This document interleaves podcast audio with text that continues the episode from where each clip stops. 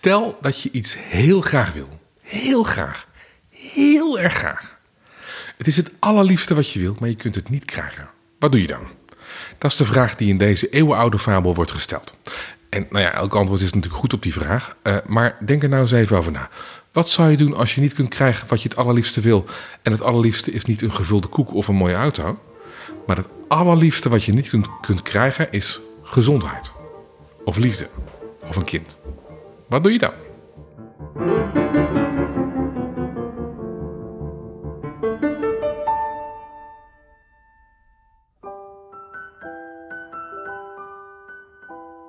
Rick van der Klei, welkom.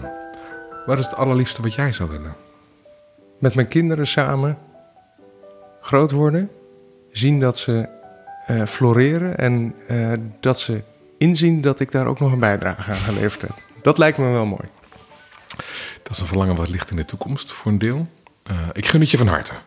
En het, het, fabeltje van vandaag gaat over, helaas, over onvervulde verlangens. En je begint het nu met voorlezen. De vos en de druiven. Een eenzame vos die al een tijd geen eten had gehad en die dan ook erg mager was geworden, kwam na veel omzwervingen bij een wijngaard. Er waren rijkelijk veel druiven, die in grote trossen hingen, rijp en zeer geschikt om te eten. Omdat er niemand in de buurt was, sloop de vos stiekem de wijngaard in. Maar terwijl hij daarin ging, ontdekte de vos dat de druiven heel hoog hingen. Hij sprong ernaar maar miste. En hij sprong nog eens en nog eens. Maar zijn inspanningen waren vergeefs. De druiven hingen te hoog. Zijn vermoeide lichaam begon pijn te doen, door de vele pogingen zijn honger te stillen. Ten slotte, toen de teleurgestelde en boze vos van zijn laatste sprong terugviel, riep hij: Ik wil de druiven helemaal niet. Ze zijn zuur en helemaal niet geschikt om te eten. het is een heel klein kort fabeltje. ja. Misschien maar er zit veel in. Ja, namelijk, vertel. Ja, die vos wilde die druiven wel degelijk. Hij wilde maar ze hij heel deed graag. alsof hij ze niet meer wilde. Ja, maar hij, deed, het, ja, hij deed alsof ze nadat hij ze niet, niet kon krijgen. Ja. Precies, het was liegen tegen zichzelf. Hij laat daarmee iets zien wat we allemaal volgens mij wel eens doen. Dat is op het moment dat we hard ploeteren om iets voor elkaar te krijgen, het niet voor elkaar krijgen, dan te denken dat wat ik probeerde, dat is ook eigenlijk het proberen niet waard. en dat is een leugen tegen jezelf, want je wilde het wel, het was het wel waard, het lukte je alleen niet. En dat is een zure druif om te verstouwen. En daarom zeggen we tegen onszelf maar, nou, zure, eigenlijk wilde ik het. Een zure druif om te verstouwen. Uh, deze vos had gewild dat hij die zure, dat hij die, dat hij die zure druif kon. Maar goed, ja, even los daarvan. Het waren gewoon druiven. Die waren hartstikke zoet, waren prima, niks mis mee. Hey, herken je dit in jezelf? Dat je, ja, je zegt dat iedereen het herkent, maar noem eens een verhaal uit je eigen leven waarbij je dit had.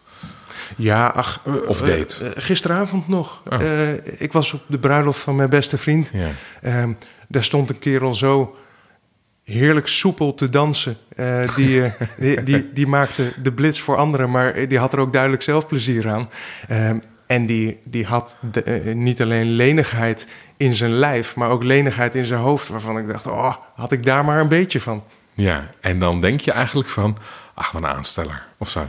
Ach, een show-off, ja. Ah, ja. Ja, die, die, die is maar zichzelf hier groot aan het maken, maar eigenlijk... Wat een oppervlakkigheid. Eigenlijk, uh, eigenlijk, eigenlijk, heeft hij daarmee iets, uh, iets niet gezien wat ik wel heb gezien. ja. Namelijk? Dat maakt dan ook niet zo heel veel meer uit. Nee, dat maakt niks meer uit. Maar bijvoorbeeld, hè, welk smoesje het ook maar is wat je zelf dan vertelt. ja, ik, ik vertel mezelf dan een smoesje. Nou, hij kan dit, maar ik kan vast iets anders heel goed. Ja. Ik heb het vroeger wel eens gehad, ook als ik dan heel graag een vrouw wilde of zo. Een vrouw wilde versieren en dan zei ze, nee, liep ik een blauwtje. En dan dacht ik een maand later, ach, ze is eigenlijk helemaal niet zo leuk. Wat, nee. Wat een, wat een oppervlakkige trut is dat. Ja, ja. Precies hetzelfde eigenlijk. En had je ook echt eigenschappen van haar gevonden om jezelf dat aan wijs te maken? Het is niet lang zoeken, maar dat is bij iedereen toch? Ja. Maar eigenlijk had ik haar dolgraag wel gewild natuurlijk. Ja. ja. je kon haar gewoon niet krijgen. Dat was het probleem. Dat was het hele, dat was het, dat was het hele ding. Ja. ja. Dus dat, uh, dat vind ik zo mooi. Dat het, het is een copingmechanisme. Ja. Je, je vertelt het niet alleen de ander. Je vertelt niet alleen die vrouw als je, of een vriend als je over die vrouw spreekt, eh, van dat die vrouw eigenlijk eh, tekort schoot. Maar je vertelt het jezelf. Ja. En het is een copingmechanisme. Eigenlijk is het een heel stom copingmechanisme ook. Ja, je kan beter jezelf zo ontwikkelen dat eh je zelf de blitz maakt op de dansvloer. of dat je wel die vrouw kan krijgen. er zit ook nog één aspect Ja? in dit, dit fabel eh, dat we nog niet hebben genoemd. Dat is, eh, je kent het verhaal. Iedereen kent het verhaal van de tanteluskwelling. Van de druiven die eh, wegwijken op het moment dat je ze probeert te pakken. Of, nou, sorry, die eh, kent niet iedereen. Je moet de tanteluskwelling moet je even uitleggen. De uitdrukking van de tanteluskwelling, eh, die gaat over eh tantelus die probeerde bij de druiven Dat, te was een, komen. oud- dat dit is een oud Grieks verhaal. Oud? Grieks verhaal, Ja? oude mythe. Ja. Ja. En die probeerde bij de druiven te komen, omdat hij honger had. En iedere keer dat hij ernaar greep, dan weken die druiven ook weg. En dus Dit was een straf van de goden, want hij had iets gedaan wat de goden niet leuk vonden. Ja. Eh, jij zegt het. Ehm, en daarbij, eh, als hij wat probeerde te drinken, eh, bij de wijn probeerde te komen met zijn mond, dan ging het pijl van de wijn ging omlaag. Dus dan kon hij Mm. daar ook niet bij. En het verhaal is natuurlijk ehm, bij de vos ook zo sterk, omdat je voelt gewoon dat de onbereikbaarheid het extra frustrerend maakt. Dat het niet alleen is dat je ergens niet bij kan, maar dat het ook is dat wat je ook doet, het helpt niet. En dat vind ik in die tanteluskwelling nog sterker eigenlijk zitten. Dat eh, als je het probeert, wordt de afstand nog groter tot dat wat je wil bereiken. Ja. Ehm, en dat, de- dat maakt het ook een paradox. ja, waarmee de frustratie eh, nog weer verder toeneemt. Omdat je dus eigenlijk weet, het gaat je nooit lukken. Nooit. Ja, Ja. Ja en, en dat, dat zelfs het, eh, en dat maakt eh, de tanteluskwelling, hè, die, die mythe, nog sterker vind ik dan het Vossenverhaal. Eh, dat door het proberen zelf gaat het niet lukken. En ja, dat is een levensles in heel veel onderwerpen. Want er zijn zoveel dingen die je alleen maar kan bereiken door iets anders te doen dan daarnaar te streven. Leg eens uit. nou, noem eens iets wat je waardevol vindt. Wat het ook maar is. Liefde. Liefde. Ja. Oké. En Maar als je je, de hele het- tijd maar. Het streven daarnaar. het- ja, als je de hele tijd alleen maar aan het jagen bent naar liefde. Dan zul je jezelf daarin tegenkomen. Dan zul je waarschijnlijk een keer merken eh, dat omdat je het zo hard probeert, dat je de eerste stappen overslaat. Bijvoorbeeld iemand leren kennen en daar een goede band mee opbouwen. En daarna komt daar vast een keer liefde uit als het mee zit. Maar de liefde zelf als doel blijven najagen, dat zal het doel belemmeren. En dat eh, geldt volgens mij voor alle waardevolle dingen. En dit heet de hedonistische paradox.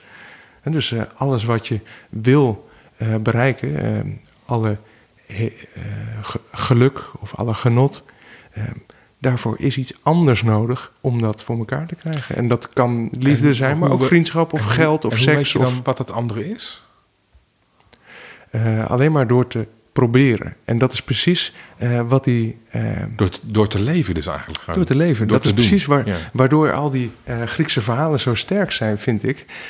dat ze ehm, uitgaan van de praktijk. Dus niet vanuit eerst een theorie en dan kijken of de praktijk daarmee te rijmen valt. Maar andersom. Het is een kwestie van praktische wijsheid zoeken. Eh, je kan pas zeggen het is belangrijk om moedig te zijn nadat je ook hebt gemerkt hoe het uitpakt als je overmoedig bent of juist laf bent. Eh, je vindt het middenpas van de weg door de twee zijkanten van de weg op te zoeken. Eh, en dat maakt het een heel praktische eh, filosofie. En eh, de deugdenethiek die hieronder ligt, die heb ik net even geïllustreerd met die weg. Mhm. Maar de deugdenethiek die hieronder ligt, die is veel praktischer dan de deontologie van Kant of het consequentialisme van Bentham en Mill. Dat, dat zijn allemaal ehm, filosofen geweest die vanuit de theorie begonnen en dan naar de praktijk eh, kijken. En op het moment dat de praktijk hen iets aanraakt waardoor de theorie anders moet, de theorie aanpassen, gelukkig maar. Hè? Dus dat heeft waarde. Alleen het aantrekkelijke van die deugdethiek vind ik dat eh, iedereen kan zich er makkelijk toe verhouden, zonder En- enige theoretische kennis. En nog een keertje, het midden, dat is, het, dat is waar je op, op wil uitkomen. ja, dat is de dat deugd. is bijvoorbeeld moed. Ja? Dat, die kun je alleen vinden door allebei de, andere, door allebei de uitersten ook te ervaren of te doorleven. Dat is bijvoorbeeld Nou, laf- dat- dat- lafheid en overmoed. Dat vind ik. Hè? Ja. Dat, dat, ehm, je kan pas weten wat moed is als je ook iets van de eh, uiteinde weet. Ja. Ehm, en ja, mijn eigen mening is dat het goed is om eh, dat ook een beetje uit te proberen. Ja, nou hebben we hier een vos en die heel graag de druiven wil. Welk uiterste is dat en welke deugd ligt daar dus eh, om de loer hier? Ehm, de deugd eh, voor, de, eh, voor de vos is eh, om geduld te bewaren. Mhm. Totdat de druiven ehm, zodanig gegroeid zijn dat hij erbij kan. Hè, dat, dat zou een zou- oplossing kunnen zijn. Ja. En geduld zit natuurlijk tussen ehm, Ongeduld. ongeduld aan Ja. de ene kant. Hè, dat je echt alleen maar bezig bent met het najagen van die druiven. En je ziet dat ze te ver hangen, dus dan ga je daar naar springen. Hè, zoals die vos. Ja. Ehm, dat is, hij is daarin ongeduldig. Dat is een van de uitersten en de andere. maar de, de andere uiterste werd niet in de fabel eh, vermeld. Eh, maar dat kan zijn het tegenovergestelde van ongeduld, lethargie. Je blijft zitten en je denkt, die druiven komen mij wel tegemoet vallen. Het geluk ligt om de hoek en dat komt vast zo meteen de hoek om naar mij. Die liefde, hoef ik niks voor te doen, die komt wel naar mij. Dat geld, die seks, Mhm. die vriendschap. Ja. Wat je maar van waarde vindt, het komt allemaal wel. Ja. Dus eh, tussen de lethargie en het ongeduld in zit het geduld. En dat is wat deze eh, vos nog niet heeft begrepen. Maar wat wij door het lezen van de fabel wel kunnen begrijpen. Ja, hebben we net ontdekt. Ja, Goed zo. samen. Eh dankjewel voor het voorlezen van deze prachtige fabel. Echt, eh, ik heb er echt veel aan gehad, ook zelf, dus wat ik net eh, vertelde. Dit was de aflevering die ging over de vos en de zure druiven in de Sprookjespodcast. Dankjewel voor het luisteren. In de Sprookjespodcast hoor je elke aflevering een nieuw sprookje van over de hele wereld. Mijn naam is Basti Barancini en vandaag hoorde je Rick van der Klei. In het dagelijks leven is Rick ook een soort van verhalenverteller, namelijk dagvoorzitter op een podium. Maar in zijn vrije tijd leest hij veel fabels voor aan zijn kinderen.